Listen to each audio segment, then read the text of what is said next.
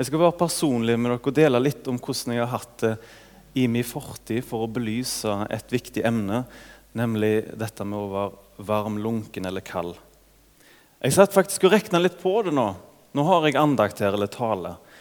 Og så regna jeg ut at jeg har vært like lenge Jeg har vært ca. like lenge kristen nå som jeg har vært ikke-kristen. Og så fant jeg ut det at jeg har faktisk talt like mange dager som jeg har vært og, og hatt en heidundrende fest. Og jeg har regna ut at det er sånn ca. 300. Så jeg har hatt 300 taler, og så har jeg vært på 300 fester, så nå begynner det å utjevne seg her. livet mitt.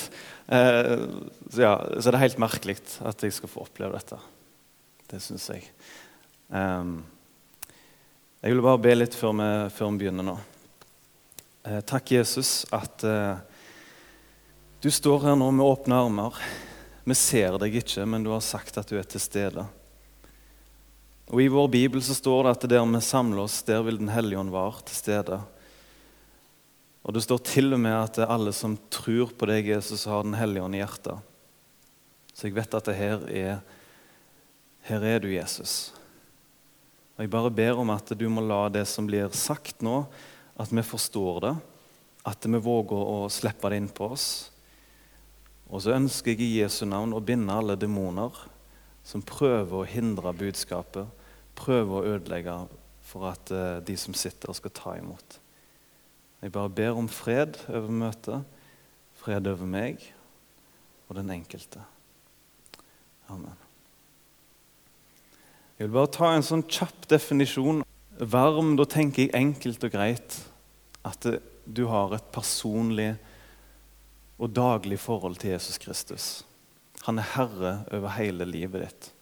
Du prøver ikke å holde tilbake igjen noen ting, men du legger deg ned foran han, for han er din herre. Og du vil ha han i hverdagen din. Da tenker jeg at du er en varm kristen. Hvis du er en lunken kristen, da, hva da? En lunken kristen er en som kanskje har han har vært varm. Og Så glir han vekk pga. at han ikke har glede i Jesus lenger.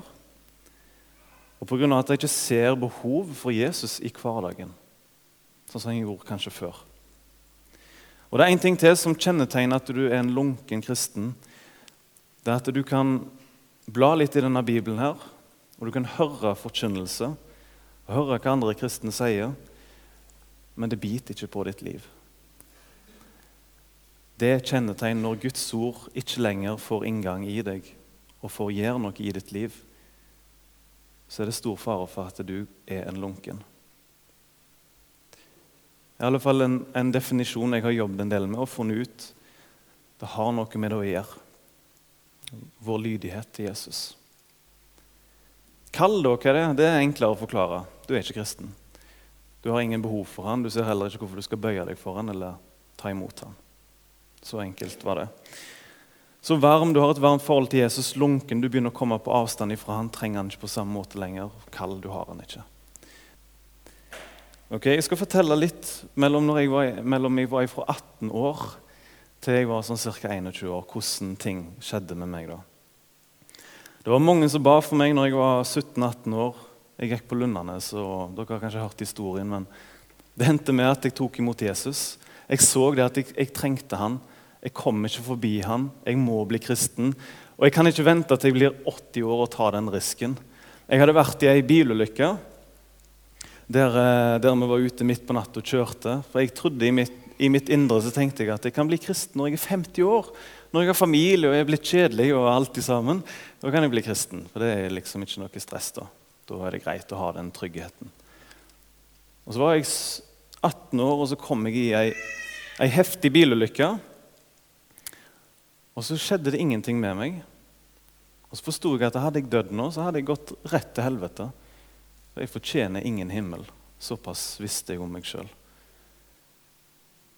Og så var det mye leder til, Det ene leder til sånn og sånn, og så tok jeg imot Jesus da jeg var 18 år ca. Det som var litt spennende med den bilkrasjet, da, var at eh, han som kjørte den bilen, han hadde 11 000 kroner på en konto. Så hadde han bedt til Gud Gud, hva skal jeg bruke de pengene til? Og så Noen uker seinere krasja han. Altså, det var ikke hans bil engang. Han lånte bilen. Så gikk han til eieren. 'Hvor mye vil du ha?' 'Nei, 11 000.' Så, så, det var prisen for at jeg skulle bli frelst. 11 000 kosta. Eh, men det var en liten, liten digresjon. Men når jeg tok imot Jesus, så hadde jeg et problem. Jeg ville ha himmelbilletten. Jeg ville til himmelen. Men jeg klarte ikke helt å identifisere meg med de kristne. At jeg skulle bli sånn som dem. Og jeg syns jeg hadde mye bedre forhold og hadde veldig kjekt med mine ikke-kristne. og var ute med deg og festa mye og holdt på. Så jeg tenkte hvis jeg bare roer meg litt ned og ikke er så frekk og gjør, går ut og havner i slåsskamp og sånt, og bare er hyggelig og grei å drikke, da er det vel greit nok, tenkte jeg. Så jeg festa en dag, og neste dag så var jeg, eh, var jeg med de kristne på korbesøk og sto fram på møter og sang. Det var mitt liv da.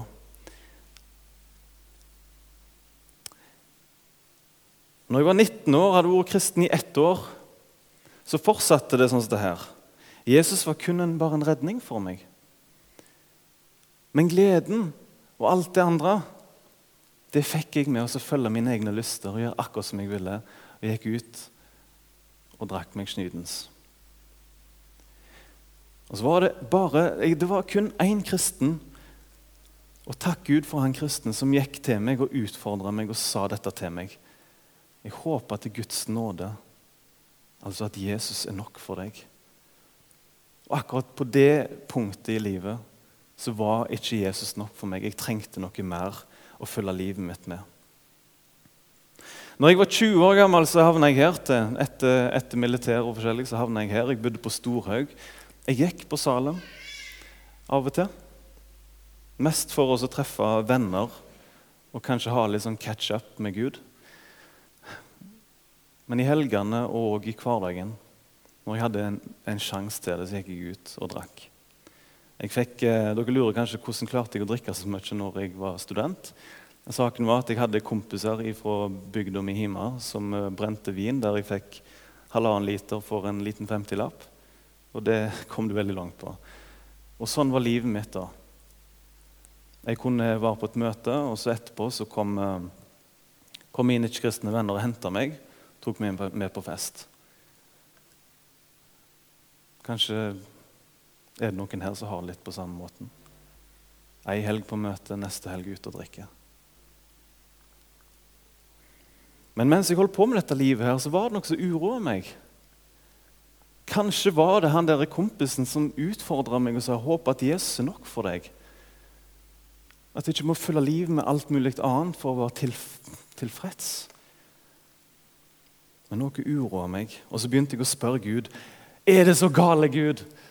Er det så nøye? Vil ikke du bare at jeg skal tro på deg, og så er du fornøyd? Jeg har jo bedt om tilgivelse, jeg har jo bedt om at jeg, du skal være i mitt liv, men skal du liksom ha hele livet mitt? Det, du vet, Jeg fungerer jo ikke så godt som alle de andre kristne. Jeg er ikke sånn. Og Sånn holdt jeg på å diskutere med Gud. Og En dag så ba jeg til Gud si noe. Hva er det? Er det et problem? Og så så jeg på Bibelen i hylla. Ikke denne, men en annen komf-bibel. Så tok jeg den ned, og så var det akkurat som noe i meg som sa Slå opp der, og hør hva jeg har å si til deg. Og det som jeg leste da, forandra hele livet mitt. Det knuste meg. Det gjorde meg livredd men det forandra kursen for alltid. Jeg har hatt mange nederlag etterpå der òg, men det skjedde noe med meg som forsto at Jesus ville hele meg. Jesus er ikke tilfreds med smulene. Han vil ha hele livet mitt og ditt. Jeg leste disse ordene fra Johannes' åpenbaring, kapittel 3, vers 15-21. Og Nå sitter jeg på Storhaug. Jeg sitter en plass oppe her i en uh, råtten leilighet. Og så sitter jeg her og så leser jeg dette. Jeg vet om dine gjerninger, at du verken er kald eller varm. Jeg er verken brennende kristen eller ikke-kristen. Det hadde vært godt om du var verken kald eller varm, men fordi du er lunken og verken kald eller varm, vil jeg spy deg ut av min munn. Punktum. Hva tror dere jeg følte når jeg leste det? Jeg var livredd for at jeg var på nippet til å bare bli spydd ut av Guds munn. Jeg var livredd for at Gud ville forkaste meg helt. Han som hadde gjort så mye for meg allerede. Til og med frelst meg. Og så er det takken. Og så leste jeg videre. Jeg måtte finne ut er det håp for meg. Og så leste jeg videre. Du sier dette. Jeg er rik, jeg har overflod, jeg har ingen nød. Og så sier Jesus, og du vet ikke at du er ussel og ynkelig og fattig og blind og naken. Så råder jeg deg til at du kjøper av meg gull lutret i ild, for at du kan bli rik, og hvite klær, for at du skal være ikledd dem i din nakenhetsskam, og din nakenhetsskam ikke skal bli stilt til skue, og øyensalve til å salve dine øyne med, for at du kan se. Alle dem jeg elsker, dem refser og tukter jeg. Derfor ta det alvorlig og omvend deg. Se, jeg står for døren og banker. Om noen hører min røst og åpner døren, da vil jeg gå inn til ham og holde nattverd med ham og han med meg. Den som seirer, han vil jeg gi og sitte med meg på min trone, like som jeg har seiret og satt meg med min far på hans trone. Eh, bare la Bibelen la det stå her oppe. Grunnen til at det står om eh, gull og rikdommer, og det står om eh, en ull og noen klær her, og det står om ei salve det var for byen Laudikea. De hadde et veldig bra banksystem. De hadde et veldig bra ullfabrikk. Sort ullfabrikk hadde de. Og de hadde òg eh, øyensalver. En eller annen fabrikk til å produsere øyensalver til å kurere øyensykdom med. Da. Og Så sier Jesus til dem at disse som trodde de hadde alt i orden De har ikke behov for noe mer behandling av Gud. på en måte. De hadde det veldig fint sånn som de hadde det. Og De som trodde de hadde alt i orden, så sier Jesus dere har egentlig ingenting. Dere er tomme, åndelig sett. Og Så bruker Jesus byens særpreg for å få fram et bilde. Sikker på at De fleste i menigheten jobbet kanskje i banksystem, de jobbet inn i ullfabrikken, de jobbet med øyensalve så bruker Jesus et språk som er så levende for dem. Og det du kanskje stusser litt på, øyensalve øye, nå skjønner jeg ikke, Det skjønte de så klart som dagen. Ok, Så, så Jesus brukte gull til å forklare at Kom til meg og få ekte varer. Slutt å være falske. Kom til meg og få ekte vare. Og så sier han, 'Kom til meg' og få hvite klær, så dere kan dekke dere skam med. Og kom til meg og få øyensalver, så dere kan se sannheten og se livet deres. Sannheten om dere sjøl og sannheten om Gud, på en måte. Og Jesus sto utfor. Tenk, han sto utfor de som kalte seg kristne. De gikk kanskje på møter annenhver lørdag eller søndag, jeg vet ikke. Og De var med og sang, de hørte Bibelen. Men egentlig så sto Jesus bare sånn. Kan jeg få komme inn til dere nå?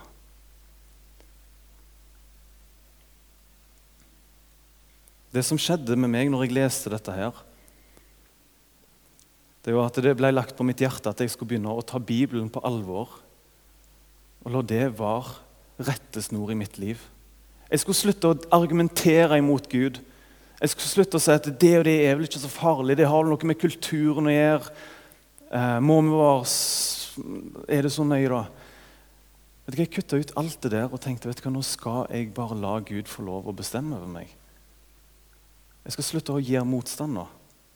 Og Det er klart ikke alltid klarer å følge her. Men jeg skal slutte å motarbeide han. Og det andre jeg fikk på mitt hjerte. Gå nå, Arnt Magne, og var i lag med de kristne og se på de som en familie, for de kan hjelpe deg. Og jeg begynte å ta kontakt med mine gamle kamerater fra Lundaneset. Spurte om jeg kunne få bo med dem. Og det fikk jeg lov til, og det gjorde jeg i ett år. Og så gikk det mange måneder med kamp og tårer. Og jeg sprakk flere ganger og for ut til byen og orka ikke mer. Men Gud henta meg inn igjen. Og Det tok et halvt år, så begynte jeg å kjenne på en helt ny varme og et lys inni meg. Det kan godt være for deg hvis du er her i denne situasjonen, og du omvender deg nå. Jeg vet ikke om du må kjempe i ei uke eller i en måned, eller hvor lenge du må holde ut din kamp før Jesus begynner å komme tydelig inn i ditt liv, og du ser han er din. Men vær utholden. Ikke gi opp, for det er en kamp her.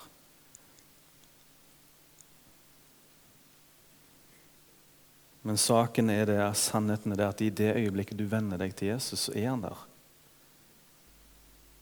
Men når du begynner å gå opp for deg sjøl at han faktisk er der, det er et spørsmål om tid og tålmodighet. Ok. Nå har jeg snakket om det typiske festlivet. Greia er at Dette er ikke så enkelt som at det, det er bare med slutt å drikke. Det var ei som sa det en gang. 'Nei, slutt å drikke, så ble jeg kristen. Det var, det var hennes vitnesbyrd. For, for, mange så er det på den måten. Men det er mer innvikla enn som så. Det er flere områder vi kan tråkke ut. Jeg har bare lyst til å lese noen av de de klassiske områdene som Bibelen kaller for gamle Adam, gamle naturen. Kjødet vårt, det som gjør motstand mot Gud, det som ikke går an å temme eller bli ja, Det vil gjerne være religiøst, men det kan aldri bli frelst. Jeg skal lese ifra um, Galaterne 5, 19-21. Kjødets gjerninger, vår gamle natur, er åpenbare. Det er slikt som utukt, urenhet, skamløshet, avgudsdyrkelse, trolldom, fiendskap, trette, avvindssyke, sinne, ærgjerrighet, splittelse, partier, misunnelse, mord, drukkenskap, svirelag eller fest på godt, ny, nei, godt datidens norsk, og annet slikt prikk, prikk. Om dette sier jeg dere på forhånd som jeg også før har sagt dere, de som gjør slikt, skal ikke arve Guds rike. Det er temmelig tøffe ord, det. At det er de som har lyst til å ta seg en fest og bare ha det litt eh, moro og glemme verden litt. At de ikke arver Guds rike. Og lista går videre med andre ting. Og du får ta til deg hvor kanskje du holder på og har din svakhet. Jeg legger merke til at de kristne og folk som vil følge Jesus, kan oppleve kampen på ulike måter.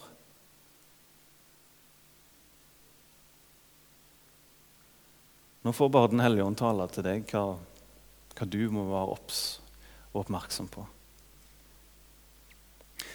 Men greia er La oss ta eh, med fest, som jeg har snakket om nå. da. Casen er ikke det at du må kutte ut og drikke. Vet du hvor problemet egentlig er? Grunnen til at vi vil fylle oss med alt dette, her, det er fordi vi har beveget oss vekk ifra Gud. Dette er bare et At vi lever i dette her, er av at Gud er vekk ifra våre liv, og vi trenger et stimuli. Vi trenger å fylle oss med noe annet. Så egentlig så er hele løsningen bli fulgt av Jesus. Så vil han sørge for oss å jobbe med disse tingene i ditt liv. I dag så kaller Gud oss altså til å slippe kontrollen og vende oss vekk fra dobbeltmoral. Gunnar Elstad, som jeg eh, er min mentor og sjelesørger, og jeg får han av og til til å komme her og tale. Han sa en gang for to år siden når han talte om masker og fasader, så sa han Dere mennesker, dere er eksperter på å spille. Dere skulle hatt Oscar hele gjengen, sa han. Det var sikkert vanvittig dårlig imitert, men det får nå bare være. så. Men vet du hva, vi, går, vi har så lett for å bare pakke oss inn i en fasade og late som om vi, vi ikke har noen problemer, og late som alt er greit. Og, og Det som jeg syns er løye, da, er at eh, vi er, når vi er kristne, på en måte, så har vi jo først innrømt at vi trenger hjelp. Vi klarer oss ikke sjøl. Men hvorfor kan vi ikke begynne å oppføre oss som om vi faktisk er virkelig kristne? Vi er avhengig av Jesus, og vi er avhengig av hverandre. Da skal det ikke være et sjokk for oss hvis en kommer og sier at jeg sliter med pornografi, eller jeg sliter med og jeg har så lett for å bli med uvennene mine og feste. Da skal det ikke være et sjokk. Vi skal hjelpe hverandre. Vi har alle våre ting som vi trenger hjelp til. Så Jeg håper at Salem ikke skal være en fasadeplass der før du må gå, så er det liksom sånn Ok, gelé i håret, ok, skjorta på plass, eh, puss tennene Og så går jeg Nei, vent litt, jeg glemte én ting. Maska mi. Har du det sånn? At du må stramme deg opp når du kommer her? Jeg håper at vi kan begynne å legge maska igjen og komme inn her. Hvis du har en dårlig dag, så si det. på en måte. Hvis du har en god dag, så skal du få stråle, du skal få lov å stå på stolen og prise Jesus om du vil det. Ok, jeg skal gå videre. Men Gud kaller oss til å slippe alt dette her. Og vi skal få et ord fra Jakob 4,8 på det. Jakobs brev, kapittel 4, vers 8. Hvis ikke jeg har det, så jo. Hold dere nær Gud, så skal Han holde seg nær dere. Gjør hendene rene, dere syndere, og rens hjertene, dere tvesinnede. Heldigvis i den teksten som leste, så får vi resepten faktisk på resepten mot lunkenhet. Jeg har lyst til å gå litt inn på de tre hovedtingene som Jesus tilbyr oss. Og tenk det, vi som er syndere, og vi som ikke får ting til som vi burde ha gjort, vi som faller gang etter gang Det som er det fantastiske her, at Jesus er fortsatt på tilbudssida. Alt det Jesus har gjort for oss på korset. Og så møter han oss her igjen med et tilbud. Igjen med gaver. Hør nå. Hva er det første han sier? Han tilbyr oss gull. Ekte vare ifra han.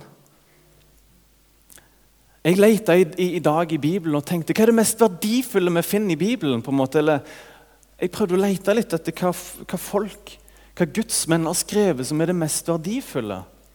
Og Da gikk jeg til Paulus i Filipperbrevet, og så leste jeg hva han syntes var det mest verdifulle.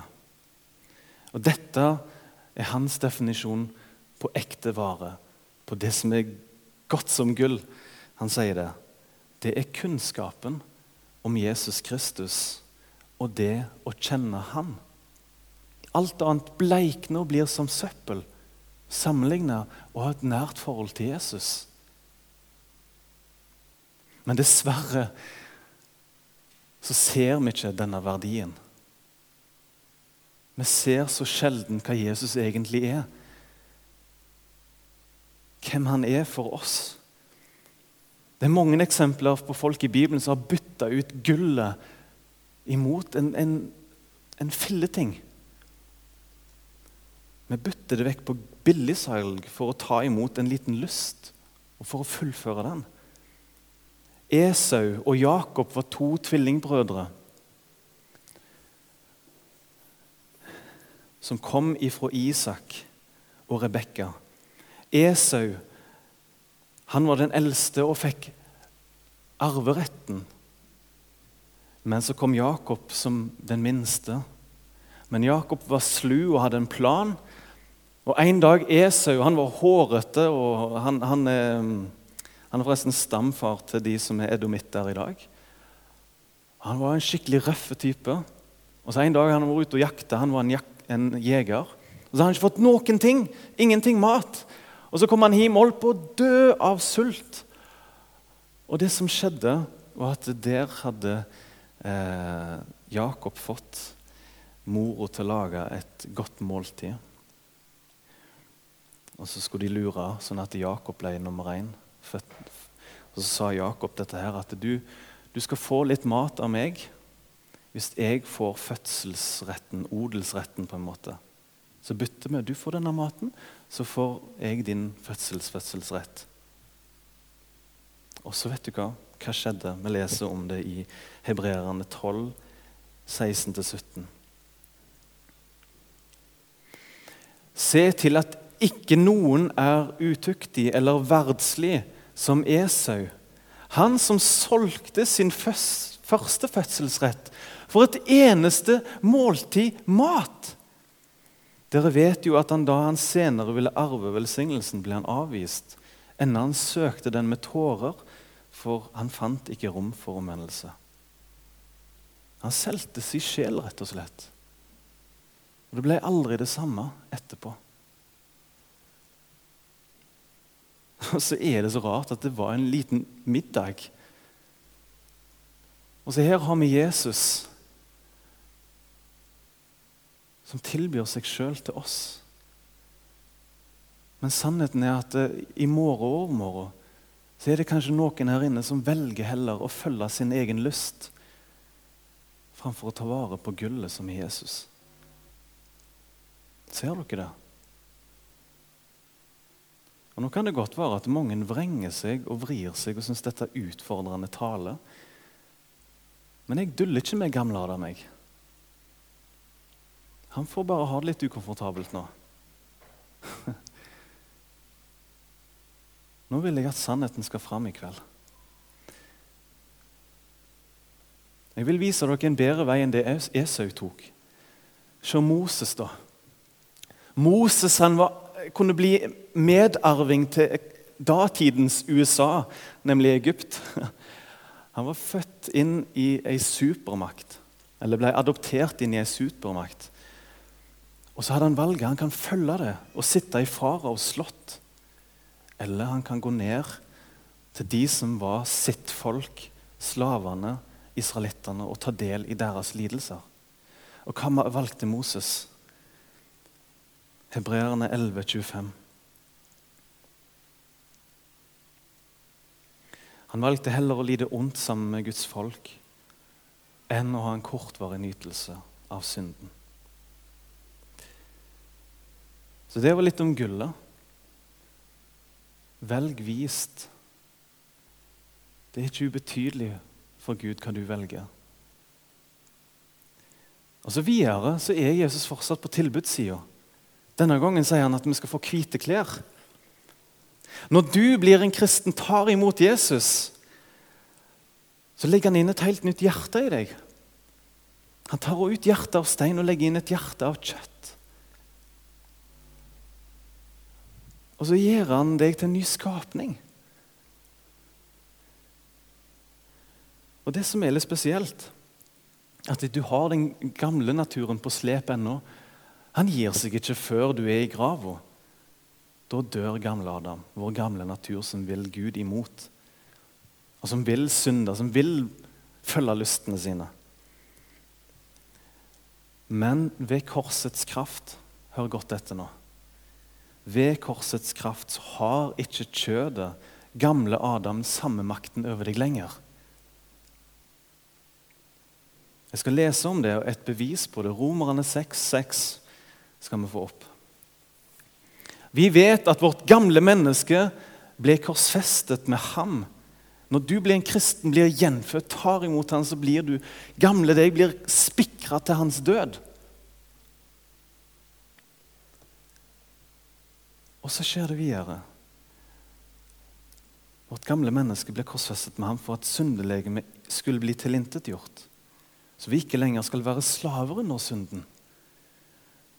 Og så videre neste bibelvers. Du har ikke kraft til å bryte disse lenkene her, til å bryte makten over kjødet. Men takk, Gud, Jesus har. Jesus har den makta der. Vi skal lese Romerne 8,3.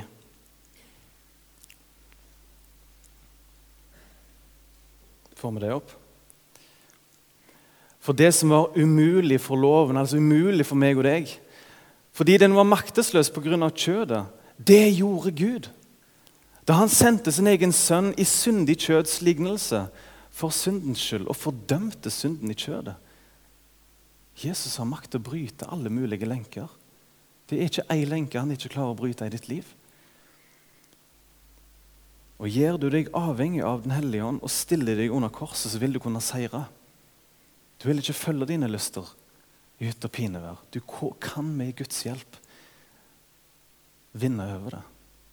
Og tru meg, tru meg nå Jeg har sett i samtale, når jeg går inn på dette her, folk som er dypt inni, har kommet inn i et spor med synd. Og når jeg sier dette her, dette kan vi få deg fri ifra. Det kan skje at dette ikke har makt over deg. Tror meg ikke. Så må jeg lese disse versene her og si Jesus har makt. Det er ditt gamle menneske som innbiller seg en løgn. At det går ikke an å forandre meg. Nei, det går ikke an å forandre gamle mennesker, men vi kan spikre det fast det ikke har makt lenger. Og Så vil Gud putte noe nytt inn i deg, så er Den hellige ånd og skape deg om til en ny skapning som kan faktisk følge Han. Det at du velger å fortsette å leve i synden, det er et rent produkt av din gamle natur. At du er blind og vil følge dine lyster og elske dem mer enn Jesus. Men vet du hva? Du kan bli knust du kan bli fri.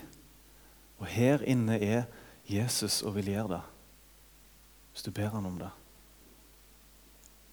Dette tror jeg det er mange som vet lite om. Og Vi må forstå at vi Det er hjelp å få her. Vi skal se på neste vers, som handler om at du kan vinne seier. Her kommer beviset i Galaterne 5, 16-17. Men jeg sier, vandre i Ånden, så skal dere ikke fullføre kjødets lyst. Halleluja! Ble jeg nesten litt Foreldrene mine er pinse, så jeg får unnskylde meg. Det å vandre i Ånden det er å la seg fylle av Jesus, fylle av det Gud har for deg, og gi Gud rom. Da skal du ikke fullføre det. Du blir frista. Det var en som sa det, at du kan ikke unngå at en fugl begynner å fyke over hodet ditt. Av og til så skiter han kanskje på deg òg. Men vet du hva? Du kan unngå at den, de fuglene der skal begynne å bygge et reir på hodet ditt. Og det er det det er snakk om her nå. For kjødet, gamle Adam, begjærer mot ånden. altså Det er en krig her. Og ånden imot kjødet. De to står hverandre imot for at dere ikke skal gjøre det dere vil. Altså følge lystene. Så her ser du at Den hellige ånd kjemper for deg og vil hjelpe deg. For at du ikke skal fullføre disse lystene dine. Og det er aldri din ære at du klarer dette her. Det er resultatet at du gir rom for Den hellige ånd, og han kjemper i ditt liv.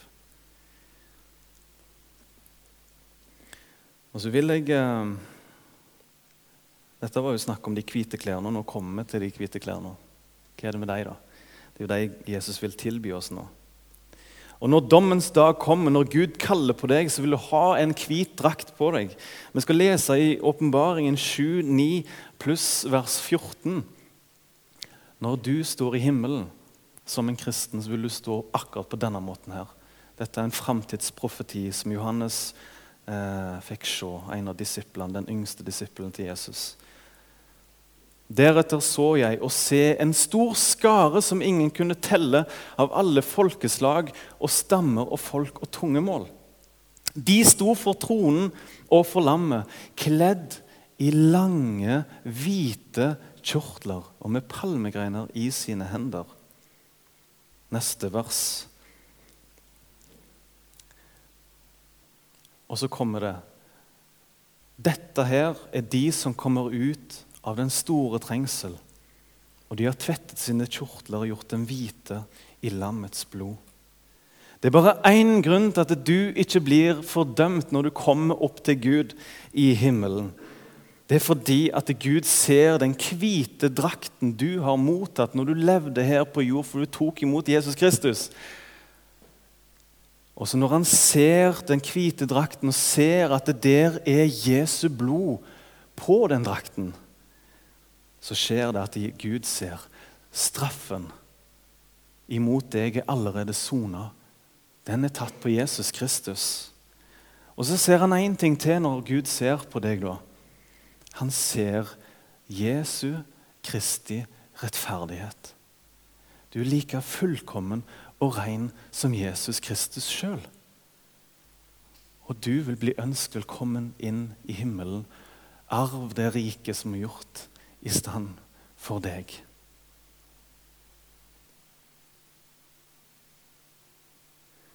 Jeg syns det er fantastisk å se at alt, alt er mulig for Gud.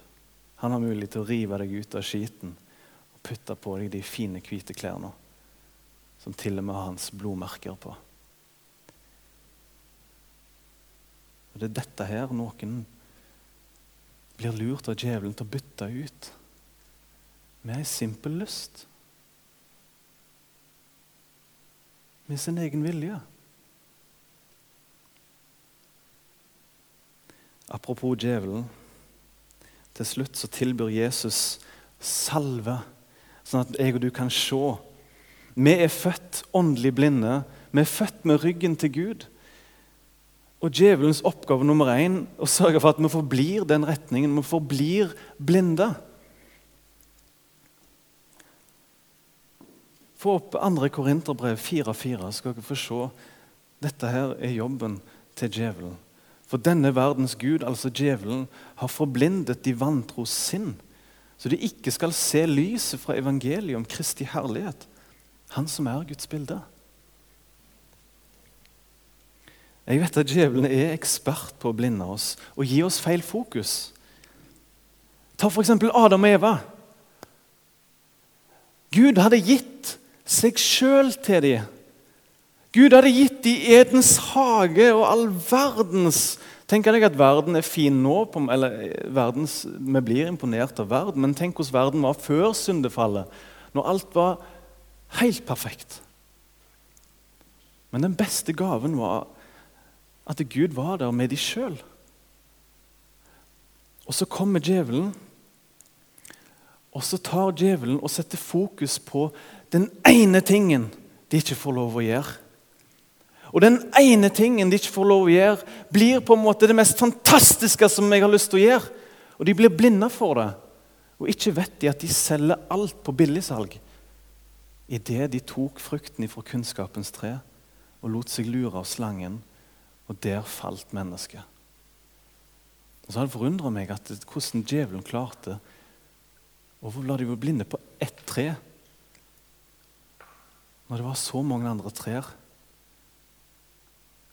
Og jeg og du kan klare å unngå det ene treet. Og så kan du heller begynne å få Jesus og Den hellige ånd til å få deg til å få øynene på alt det som er så fantastisk som du har fått. Alt det du har i Jesus. Alle velsignelser han vil gi til deg. Det er en bønn som jeg har lyst at vi skal få opp her, som Paulus har lært Efesermenigheten. Og Denne bønna her har jeg blitt lært av en av de kompisene jeg flytta inn til. Og den bønna her har forandra mitt liv. For når jeg ikke så noe i Guds ord, når jeg følte jeg var en dvask og stusslig kristen som ikke hadde noe peiling på noen ting, så begynte jeg med den bønna der og ba dette her. Jeg ber om at vår Herre Jesu Kristi Gud, herlighetens Far, må gi dere visdom og visdom åpenbaringsånd til kunnskap om seg. Altså At han må åpenbare seg for deg gjennom Guds ord. Og gi deres hjerter opplyste øyne, så dere kan forstå hvilket håp han har kalt dere til, hvor rik på herlighet hans arv er blant de hellige. Det måtte jeg be om daglig. Og leve i håp at de skal skimte Jesus. Jeg skal begynne å få se han mer og mer i mitt liv. Til slutt så sier Jesus Nei, ikke til slutt, men i denne teksten som leste til å begynne med, om at han bankte på. Jeg har lyst til å lese opp det til slutt. i Johannes' åpenbaring 3.20. Ja, det står i alle fall eh, Se, jeg står for døren og banker. Om noen hører min røst og åpner døren, da vil jeg gå inn til ham og holde nattverd med han, og han med meg. Det verset der. Vet du hva jeg legger merke til første gang når, eh, når mennesker skal bli kristne? Så begynner de å kikke inn i sitt liv, og så begynner de å se at her har jeg massevis av ting. Jeg har et dårlig sjølbilde, kanskje. Jeg har, jeg har ting jeg sliter med. Det er rotet inni meg. Kanskje jeg får orden på det først. Men da vi misforstår det jo den jobben Jesus vil ha. Vi må bare slippe han inn og la han få gjøre den jobben. Og Hva har du i ditt hjerte nå, i ditt liv som ikke skulle vært der? Som du har gitt tilgang til? Jeg leste for noen dager siden så ble det en bibelvers som ble, eh, bibeltekst som ble veldig levende for meg. Og Dette er et perfekt eksempel på at det er ting som kommer inn i ditt liv, som skal ut. Få det ut! Og Hør på dette her. Det står i Nehemjas bok. Eh, det, det, det, kommer ikke på storskjerm, jeg leser det bare til dere her nå. I kapittel 13 så gå gjerne hjem og les den teksten der sjøl. Men det var i alle fall når Nehemja de hadde vært i Babylon i 70 år i fangenskap. Og så Endelig så får israelittene mange når de reiser hjem tilbake til, til Israel. Og de begynner å bygge opp eh, de begynner å bygge opp murene og begynner å bygge opp tempelet.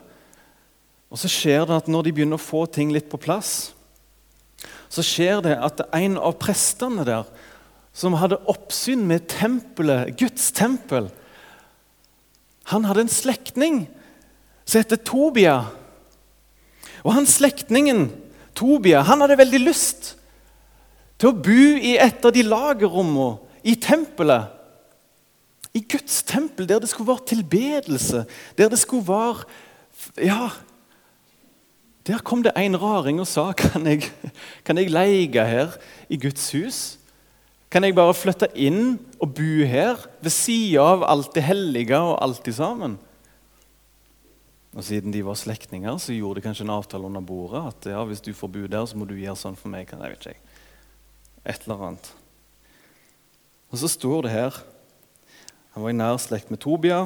Og han da, han, Presten hadde gjort i stand et stort rom for ham. Der hadde det tidligere lagret grødeoffere, røkelse, forskjellige gjenstander, tiende av kornet, mosten og oljen, som de hadde fått befaling om å gi til levitten og sangeren og portvakten og offergavene til prestene. Se her nå. Det flytta inn en kar inn i Guds hus, inn i Guds tempel. Og vet du hva du er som en kristen? Du er Guds tempel. Du er Guds tempel i dag. Det er derfor ikke dette tempelet i dag fungerer i Jerusalem. For Den tid er forbi. Nå, er det, nå har Gud flytta inn i mennesket, inn i de som tror på Han. Og der det før var røykelse Røykelse er et tegn på bønner. Der det før var røykelse, sitter det nå en tulling og en, en egoist som heter Tobia, som har tatt rom for bønnelivet. Han har tatt rom. Og så skjer det at Nehemja kommer tilbake igjen, for han hadde vært på en liten tur til Babylon. Og Så kommer han tilbake igjen, og så oppdager han Så står det her Jeg kom til Jerusalem og oppdaget hvilken ondskap Elishaib hadde, gjort, hadde lagt til rette for Tobia. Ved at han hadde gjort i stand et rom til han i forgården, i Guds hus. Så sier Nehemia, så blir det et oppgjør. så sier Nehemia, Dette syns jeg er stilig.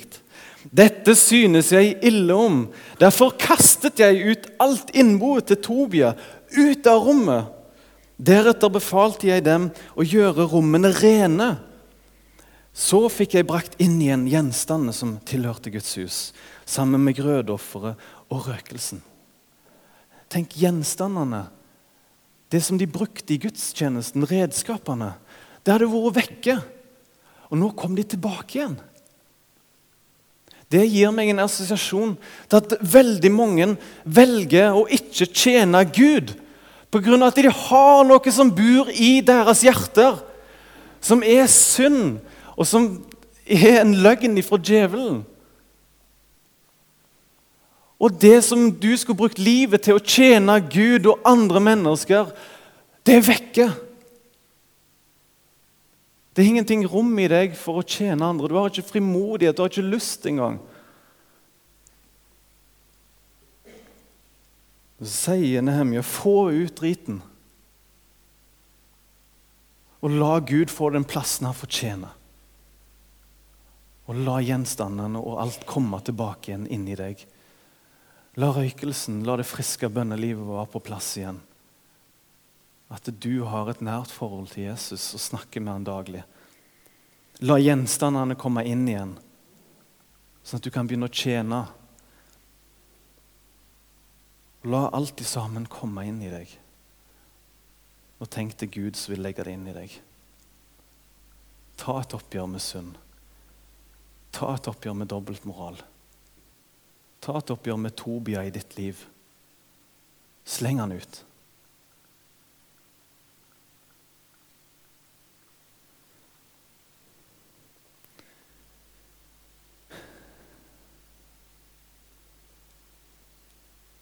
Grunnen til at jeg lar det være litt stille nå, er for jeg vil Jeg vet at Den hellige ånd hvisker og taler lågt når han taler. Så legg merke til hva Den hellige ånd minner deg om.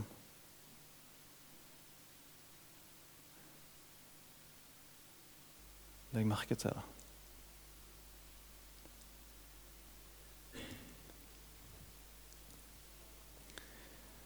Jeg vil komme med en oppfordring til slutt nå. Jeg og du som er kristne, jeg og du som er her nå. Vi må hjelpe hverandre til Jesus.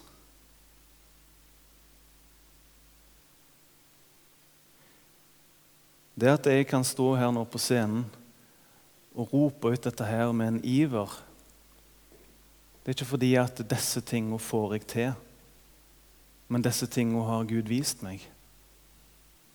Og Gud har hjulpet meg med disse tingene sjøl. Husk at her står det oppe nå en som har festa kanskje mer enn jeg har vært kristen. Jeg, har, jeg vet nøyaktig hva det er å ha en fasade oppe. Og jeg vet hvor lurt jeg var av djevelen. Og dette er bare et vitnesbyrd fordi jeg sjøl har fått hjelp.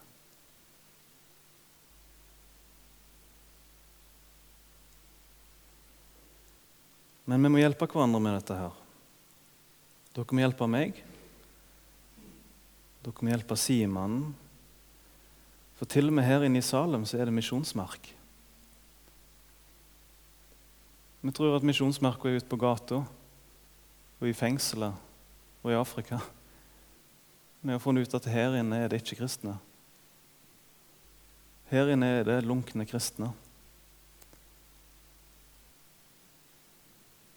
Vi må hjelpe hverandre. Og jeg tror, hva kan vi gjøre da?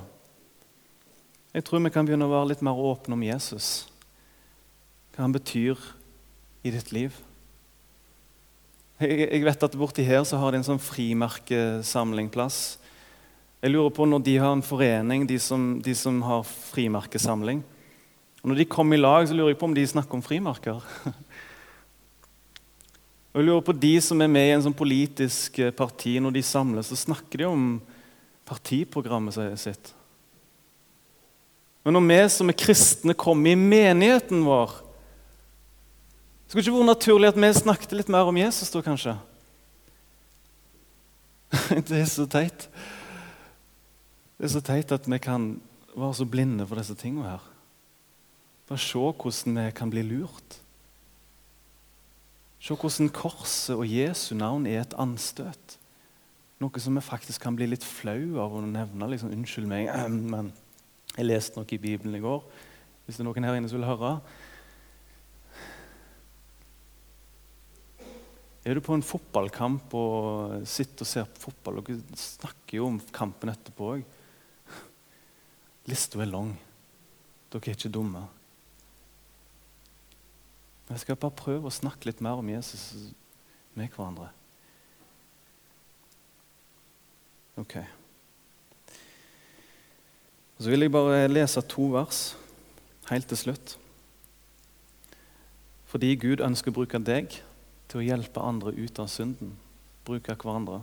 Jeg skal lese fra Jakobs brev 5, 19-20.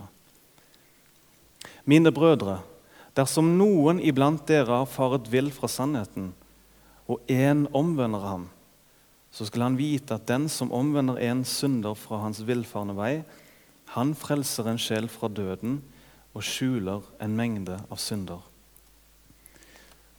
Ikke vær naive mot hverandre og tenk at alle har det helt topp. Men spør hvordan har du det med Jesus. Og se hva, interessante samtaler du får da. Vi trenger å hjelpe hverandre. Og Der har du ikke et bevis på hva vi skal bruke tid på her. Vi skal se etter hverandre, se at vi lever i sannheten. Skal jeg be helt til slutt.